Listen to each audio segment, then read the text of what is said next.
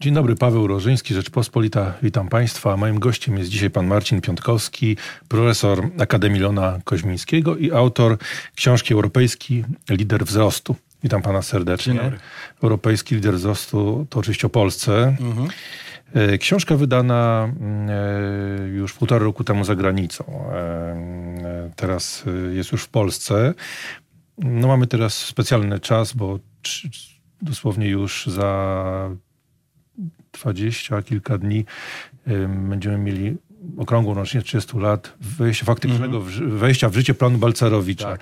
Czyli do, do, do, to jest dobry timing, że tak się, że tak się wyrażę. Proszę powiedzieć, y, czy ta, y, czy ta transformacja to rzeczywiście był e, sukces jak to jest odbierane generalnie na Zachodzie i w Polsce? Jak pan, jak pan to ocenia? To był jednoznaczny sukces i największy sukces gospodarczy w całej ponad tysiącletniej historii Polski.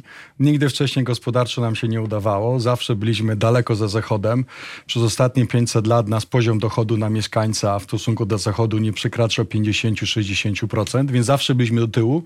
I nagle wydarzył się cud, dosłownie taki hollywoodzki, hollywoodzki cud, bo w ciągu ostatnich 30 lat Zostaliśmy mistrzem Europy we wzroście gospodarczym, pokonaliśmy dokładnie wszystkich, a staliśmy się też mistrzem świata w Europie, we wzroście gospodarczym, bo wśród krajów na podobnym poziomie rozwoju pokonaliśmy wszystkich, łącznie z Koreą Południową, Tajwanem, Singapurem i całą resztę. Między innymi po to tę książkę napisałem, bo się frustrowałem jako Polak i jako ekonomista, że na świecie zawsze mówiono o wszystkich innych przykładach sukcesu, właśnie o tych azjatyckich tygrysach, a nigdy nie mówiono o przypadku Polski, który jest bardzo ciekawy dla, dla nas i oczywiście dla, dla wszystkich ekonomistów miejscu na świecie. Właśnie, to, stąd, to skąd ten sceptycyzm, który jest w Polsce tak, na ten temat, jakby niedocenianie tego, co się stało w tym przez Pewnie jak ktoś jest, ktoś będąc za granicą teraz przez jakiś czas nabiera się trochę dystansu i widzi się to, jak, jak działają, jak funkcjonują, jak rozwijają się inne kraje i nabiera się dodatkowego szacunku dla sukcesu Polski, który jest fenomenalny, bo jak w 1989 roku pod koniec y, nie byłoby nikogo, Nikogo nie było, żadnego eksperta, bo to sprawdziłem, który by postawił jakiekolwiek pieniądze na to, że to Polska wygra tą transformację. Mówiono o Węgrzech, bo to był pupilek kapitału zagranicznego, mówiono o Czechach, bo oni są dobrze zorganizowani, mówiono o, o Niemcach wschodnich, bo to, bo to Niemcy. Nikt o Polsce nie mówił, bo Polska była gospodarczym, gospodarczą Wenezuelą, nawet w czasie PRL-u. Była najgorzej e, radzącą sobie gospodarką wtedy, więc to, że potroiliśmy nasze PKB na mieszkańca w ciągu ostatnich 30 lat, to zupełnie światowy fenomen i nigdy w naszej historii nic takiego podobnego nam się nie, nie udało. A na świecie mimo wszystko bardzo mało o tym wiedzą. Nawet jak teraz e, e, przedstawiam, prezentuję tę książkę w różnych miejscach na świecie, na różnych kontynentach, to cały czas się wszyscy dziwią, jak to możliwe, że oni ty, o tym sukcesie Polski nie słyszeli. No właśnie, to, to, to jest pytanie, y, jak, jak ta książka w ogóle y, się sprzedaje, tak? Czy, czy rzeczywiście jest zainteresowanie Polską? Tak. tak. Ta książka. Tym naszym sukcesem. Cały nakład się, się sprzedał, więc globalnie jest to taki mały bestseller, bestseller. Ta książka jest nie tylko o Polsce, ale ona też pokazuje, próbuje wyjaśnić, dlaczego niektórym krajom się udaje i stają się bogate, tak jak Polska, bo przez w ciągu jednego pokolenia z PRL-u doszliśmy do pierwszego świata, bo w tej chwili według definicji Banku Światowego jesteśmy krajem wysoko rozwiniętym, ale 150 krajów na, na świecie dalej jest biedna albo buksuje w miejscu, w tej tak zwanej pułapce e, średniego dochodu i jest bardzo wiele ważnych wniosków i konkluzji i lekcji wynikającej z polskiej transformacji dla wielu krajów. Ja dwa tygodnie temu byłem w Wietnamie, e, w Ho Chi Minh, w Saigonie i w Hanoi e, i tam byli bardzo zainteresowani polskim doświadczeniem, bo i, w, o, który, i, o sukcesie, i o sukcesie, o którym wcześniej nie słyszeli, bo dla nich to jest ważne, e, bo Wietnam ma poziom dochodu mniej więcej jedną czwartą Polski i chcą, z jednej strony patrzą na Chiny, ale z drugiej po, potrzebne są dla nich im, potrzebne są inne przykłady sukcesu. To dlaczego nam się udało to osiągnąć, chociaż nikt na nas nie stawiał? Pokazuję w książce dwa zestawy czynników. Jeden takich bezpośrednich przyczyn y, y, naszego sukcesu, tego co zwykle się czyta w raportach Banku Światowego, tak zwane e, pośrednie e, czynniki rozwoju, reforma Balcerowicza, jeszcze wcześniej reformy w czasie PRL-u, strategia dla Polski i kołotki, wejście do Unii Europejskiej, e, czteropak jeszcze AWS-u i wiele innych reform. I, i fakt, że Polska od samego początku wiedziała w jakim kierunku idzie i czego chce. Po prostu chcieliśmy wrócić do Zachodu i wszystko, co przychodziło z zachodu, było przez nas absorbowane najpierw e, e, częścią pewnego konsensu społecznego, a później w ramach procesu wejścia do Unii. Rzecz, którą bardzo podkreślam i pewnie jest e, nowa i kontrowersyjna, jest to, że ten sukces by się pewnie nie, uba, nie udał bez spuścizny PRL-u, bez egalitarnej spuścizny PRL-u, który sprawił, że po raz pierwszy w naszej całej historii, e, nieważne w 1989 roku było co do zasady, kto się gdzie urodził, jakie miał nazwisko, kim byli jego rodzice, każdy miał szansę na sukces. Wcześniej, tak jak patrzyłem na całą polską historię, tak nigdy wcześniej nie było, bo żyliśmy aż do 1939 roku w systemie oligarchicznym, w którym elity kontrolowały i monopolizowały gospodarkę tylko tak, żeby ta wszystkie korzyści były przejmowane przez te elity. No tak, ale z drugiej strony, bo to jest rzeczywiście kontrowersyjna teza, nie, nie mamy gwarancji, że y, po wojnie, gdy był tutaj ustrój mhm. kapitalistyczny, że ten rozwój mm, potoczyłby się szybciej, że, że, te, mm, że, że zostałby przełamany ten oligarchizm, co pan mówi. Na przykład poszlibyśmy drogą Hiszpanii chociażby, która nas była jeszcze tuż po wojnie krajem biedniejszym od Polski, a mm, wyprzedziła nas i to znacząco. To jest całkiem możliwe, ale myślę, że taka prosta, proste prognozowanie, żeby Polska była kapitalistyczna po 1945 roku, to nagle byłaby Hiszpanią, myślę, że jest nieprawdziwa, bo przez dwie, przez całą naszą historię i w czasie rewolucji przemysłowej, w czasie drugiej RP próbowaliśmy doganiać Zachód i za każdym razem nam się nie udawało. E, w drugiej RP w 1938 roku poziom dochodu, odległość nasza od Zachodu, jeśli chodzi o poziom dochodu, była większa niż na początku I wojny światowej. Więc gospodarczo to, się, to była porażka. To się zgadza, ale z drugiej strony no, trzeba powiedzieć, w jakiej byliśmy też sytuacji. No, przed, drugiej, przed II wojną światową, to dwudziestolecie, no to byliśmy pod ogromną presją, w sytuacji no, ogromnych barier w handlu, y, wojny celnej jeszcze w latach dwudziestych, chociażby z Niemcami. Mhm. Wielki kryzys ekonomiczny, który jednak no, wykrwawił nas też szczególnie. Tak a wcześniej zabory, prawda? Byliśmy gospodarką peryferyjną dla wszystkich, w którą się nie inwestuje, bo jest na linii frontu. Dużo by o tym mówić. Tak Akurat w czasie zaborów paradoks polega na tym, że Polska bardzo dobrze się rozwijała właśnie w czasie zaborów, bo po raz pierwszy w historii mieliśmy funkcjonujące państwo, funkcjonujące prawo i funkcjonujące rynki, których wcześniej w czasie pierwszej RP nie mieliśmy. I w 1910 roku osiągnęliśmy wcześniej najwyższy poziom dochodu, prawie 60% Niemiec, który dopiero niedawno znowu żeśmy przeszli przekroczyli. W czasie drugiej RP to prawda, że było wiele problemów, ale też popełniliśmy fundamentalne błędy w polityce gospodarczej, na przykład trzymając do końca sztywny kurs złotego do, tak. do złota, co sprawiło, że gospodarka na dorobku, bardzo biedna, na poziomie dochodu jednej ósmej dzisiejszej Polski, e, straciła więcej PKB niż rozwinięte gospodarki. To naprawdę było bardzo dużo błędów, które wcale nie musiały się wydarzyć i nie uważam, już podsumowując, że gdyby Polska po 1945 roku była kapitalistyczna, to nagle byłaby rajem, mlekiem i miodem płynącym? Nie sądzę, bo dalej prawdopodobnie byśmy stworzyli tą starą oligarchiczną e, strukturę e, zmonopolizowaną właśnie przez, przez te szkodliwe oligarchiczne elity, które przez całą naszą historię nie, dopuszczały większości społeczeństwa do edukacji, do biznesu, do przedsiębiorczości. No tak, ale to oczywiście to jest gdybanie, bo, bo też e, z drugiej strony ktoś może powiedzieć, że no jednak wstrząs wojenny, to wszystko, co później było po wojnie, później zjednoczenie się Zachodu, jeżeli byśmy byli po tej stronie mocy, nazwijmy to, to też byliśmy pod pewną presją na, tak jak jest w Unii, jak jesteśmy, jesteśmy pod presją pewnych reform, e, pewnych standardów, więc mhm. Różnie mogłoby z tym być. Ale, ale dalej oczywiście... mielibyśmy Związek Radziecki jako sąsiada i to by nas bardzo różniło od Hiszpanii, więc mam taki pod, podrozdział w książce, o który właśnie o tym mówi, że że, nie byłoby naprawdę tak, ten rozwój nie byłby oczywisty. Rozumiem.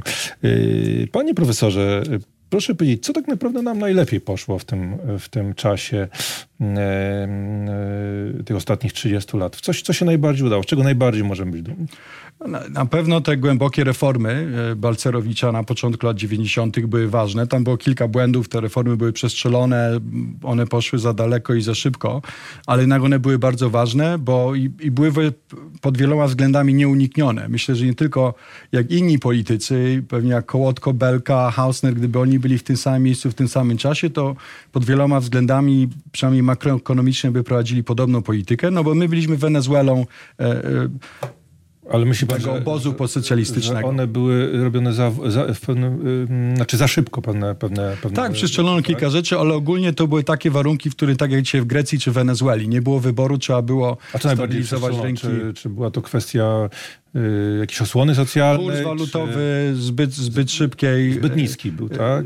Y, tak, był, był przestrzelony. Była też kwestia niedania szansy nawet przedsiębiorstw, przedsiębiorstwom państwowym na to, żeby mogły się zrestrukturyzować. E, zawsze mo można było to zrobić bardziej stopniowo, ale on blok e, to był sukces, który później był skorygowany choćby przez Kołotkę i strategię dla Polski, a później to już się potoczyło właściwie na takiej nicy Ariadny prowadzącej nas do Unii Europejskiej i to było e, ważne. Międzyczasie mieliśmy bardzo dużych sukcesów takich mało znanych na świecie, jak restrukturyzacja e, przedsiębiorstw i, i, i, i, banków na początku lat 90., która się świetnie udała. Fakt, że nastąpi boom edukacyjny. Przecież nikt się nie spodziewał, że do niedawna 60% Polaków e, studiowało e, i nie, nigdy nie mieliśmy tak wykształconego społeczeństwa jak teraz. I pod tym względem jesteśmy zupełnie globalnym liderem. Mieliśmy też bardzo dobrą politykę makroekonomiczną przez ten czas. Patrząc globalnie mieliśmy naprawdę świetnych liderów. Każdemu bym życzył Balcerowicza, Kołotki, Haznera i Belki, bo to byli, to byli bohaterowie polskiej transformacji. A opóźnienia w prywatyzacji, czy to pan uważa, że to dobrze się stało, że ta prywatyzacja nie nastąpiła zbyt ja, szybko? Ja właśnie uważam, czy... że dobrze się stało, że stała masowa prywatyzacja opóźniona. Polska miała to paradoksalne szczęście, że Solidarność e, i, i mocne społeczeństwo obywatelskie, które zostało nam po PRL-u, sprzeciwiało się takiej masowej prywatyzacji. No Czesi zrobili kuponowkę i Czesi to zrobili, nie za bardzo im wyszło. I, i, I Rosjanie i wiele innych krajów i do tej pory się to im odbija czkawką do tego stopnia, że ktoś pomyślał, trzeba. Mają lepsze zespoły piłkarskie w Czechach, ale mają też wyższy poziom korupcji, mimo, mimo tego, że są od nas bogaci, więc ta ta za szybka prywatyzacja stworzyła oligarchów, których w Polsce, w Polsce nie było. Dopiero kiedy w 1996 roku zaczęliśmy z, znacząco okrojony program narodowych e, NF, e, e NFR-ów, tak, to już wtedy mieliśmy wolne media, choćby Rzeczpospolito, mieliśmy już rynek cen dla aktywów, mieliśmy dosyć przejrzyste rynki, już mniej więcej było wiadomo, po ile te, te, te aktywa państwowe można sprzedać. Na początku lat 90. tego po prostu nie można było stwierdzić. A jakie największe właśnie zaniedbania, jakbyśmy pokazali tutaj, największe błędy? No to już pan wspomniał o tym pierwszej fazie. Tak. Tak ale czy nie uważa pan za, za błąd, że pewne reformy, o których pan wspomniał, rzeczywiście one były sukcesem i, i każdy, praktycznie każda ekipa coś tam dokładała, jakąś cegiełkę, tak często jednak były później rozwadniane, że doszło do, no, chociażby mm, reforma górnictwa pana Steinhofa. Tak. Oczywiście z dużym impetem to zrobiono, ale potem nie dokończono. Już kolejne rządy już nie miały tej determinacji. Już poprawiła się sytuacja w górnictwie, ceny wzrosły węgla zaniechano wielu rzeczy. I wielu, można mnożyć takie przypadki. Tak, no to są wady demokracji, że się słucha swoich wyborców, ale zacznijmy od tego, że się nie sądzi zwycięzców. Polska jest mistrzem Europy we wzroście gospodarczym. Po, po, potroiła swoje PKB w 30 lat i to jest zupełny ewenement. Jakby porównać to, nie wiem, z Koreą na przykład. No z Koreą przez ostatnie 25 lat rozwijaliśmy się szybciej niż Korea, więc i, i, dobre perspektywy mm, są też przed nami. Więc ja nawet popatrzyłem i w książce stworzyłem taki hipotetyczny scenariusz optymalnego rozwoju. Jakby nam się wszystko udało. może nie wiem jak z, z, ceną węgla i z reformą górnictwa, ale jakby, jakbyśmy prowadzili optymalną politykę gospodarczą i wyszło mi, że mielibyśmy dzisiaj PKB 10-15% wyższe na głowę niż inaczej.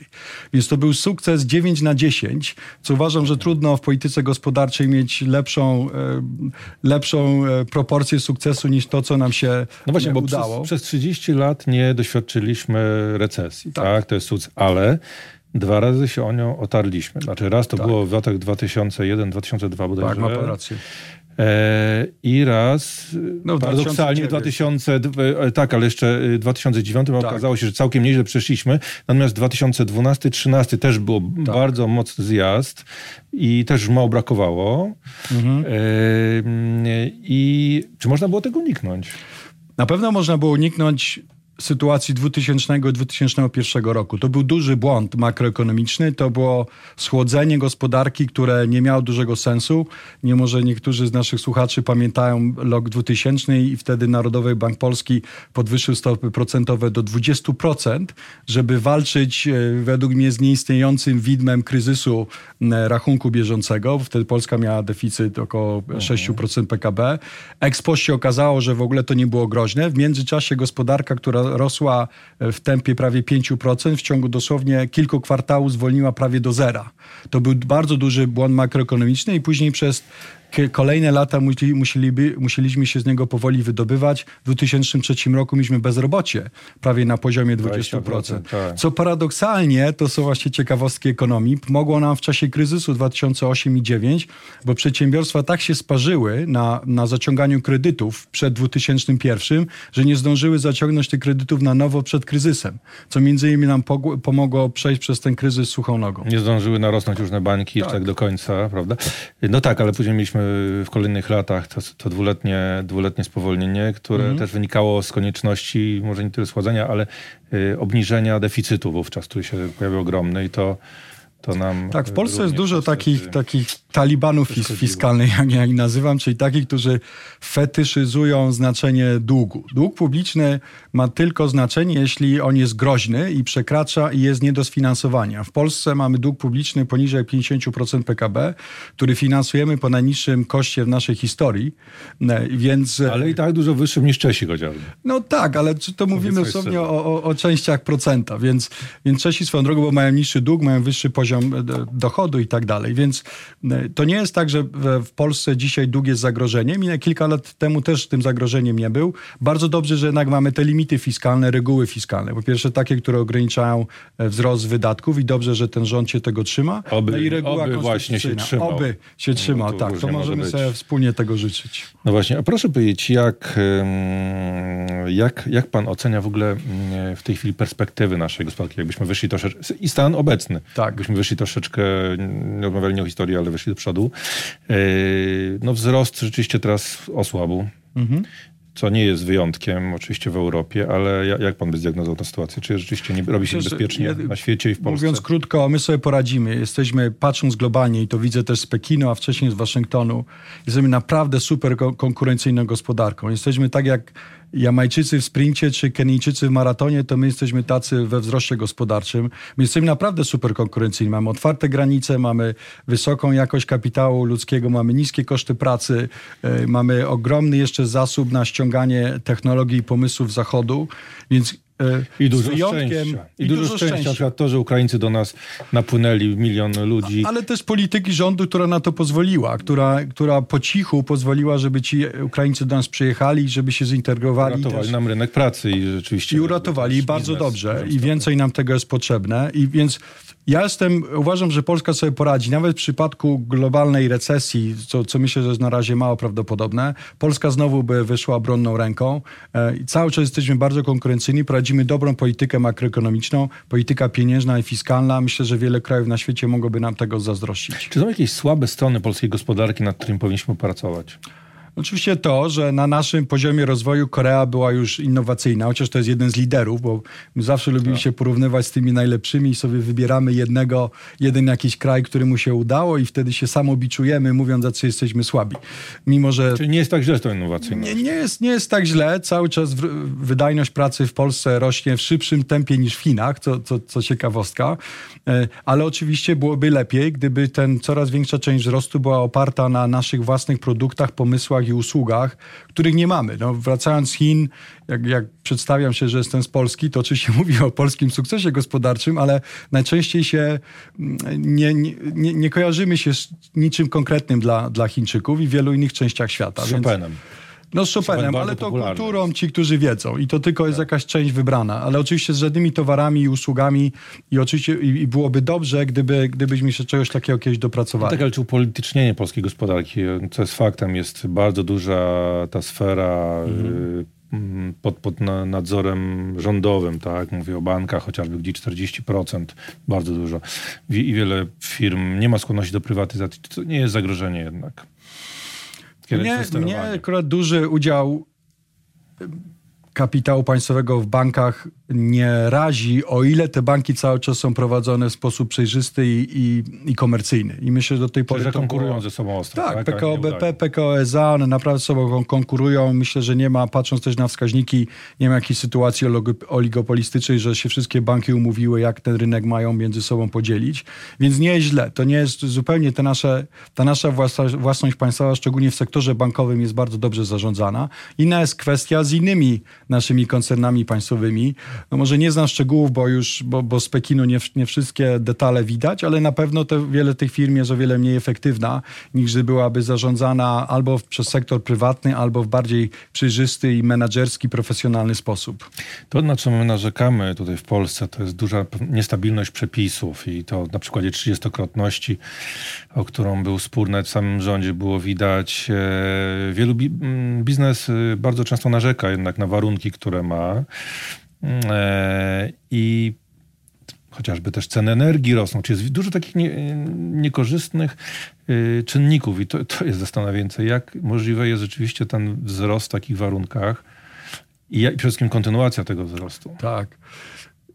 Ja jeszcze nie zna, nie, trochę tak z przekąsem powiem, ja jeszcze nie spotkałem przedsiębiorcy, który by nie narzekał, jak go, jakby go pytano, co się w kraju dzieje, bo jednocześnie ci przedsiębiorcy, zgadzam się, że jest dużo problemów i duża jest niepewność regulacyjna.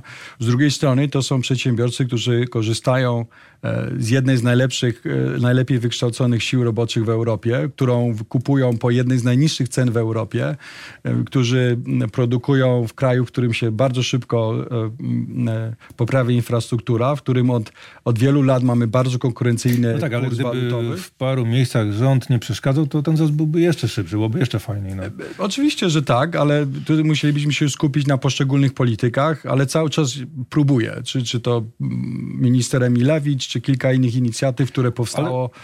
więc jest, jest, jest, są takie próby. Czy pana zdaniem grozi nam utknięcie w pułapce średniego rozwoju? Nie, bo już dawno żeśmy z niej wyszli. wyszli. Ta, ta, ta pułapka jest w ogóle medialna, a nie naukowa tak kiedyś ją ukuto, bo ona się dobrze sprzedaje i fajnie brzmi, ale według tych badań, które które patrzyły, które kraje są w pułapce, to ona się mniej więcej kończy na poziomie, ten pułap wysoki, to jest mniej więcej 20 tysięcy dolarów dochodu na głowę. Polska w tym roku przekroczy prawie 32 tysiące. No, o, Czechach, o Czechach się mówiło, że że, no, zresztą wzrost bardzo spowolnił w ostatnich latach i ja, że tkwią właśnie w takiej pułapce. Nie sądzę, oni się dalej szybko rozwijają, dużo powyżej 2%. Ja nie, nie, nie wierzę, że my nie jesteśmy w takiej 4, pułapce. Tak. Polska jest oczywiście wenementem, jednak na, na takim mhm. poziomie rozwoju prawie 33 tysiące dolarów. W zeszłym roku rośliśmy o 5%, e, w tym roku o ponad 4%. To jest, żadna pułapka nam nie grozi. E, ja prognozuję i tutaj pan redaktor może mnie sprawdzić za, za 11 lat, że w 2000 2030 roku Polska dojdzie do mniej więcej poziomu 80% dochodu na zachodzie. I to będzie najwyższy poziom w całej czyli naszej nie historii. Czyli nie średniej Unii, tylko na zachodzie wśród krajów Francja, Niemcy. Tak, tak? Tych, na, tych rozwiniętych, najbardziej rozwiniętych. I to będzie zdecydowanie najwyższy poziom w historii i, co, i nowy złoty wiek, który zresztą już trwa. A kiedy Niemcy dogonimy?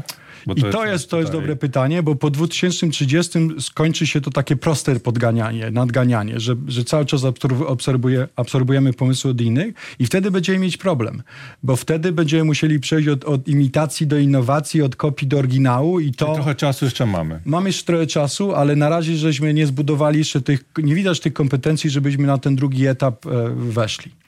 Y, pracuje pan także dla, jako starszy ekonomista dla Banku Światowego i jakby pan powiedział, jak nas widzą instytucje finansowe? Bo co innego, jak widzi nas ekonomista, a co innego jak jednak takie duże, jak Międzynarodowy Fundusz Walutowy, w którym pan pracuje.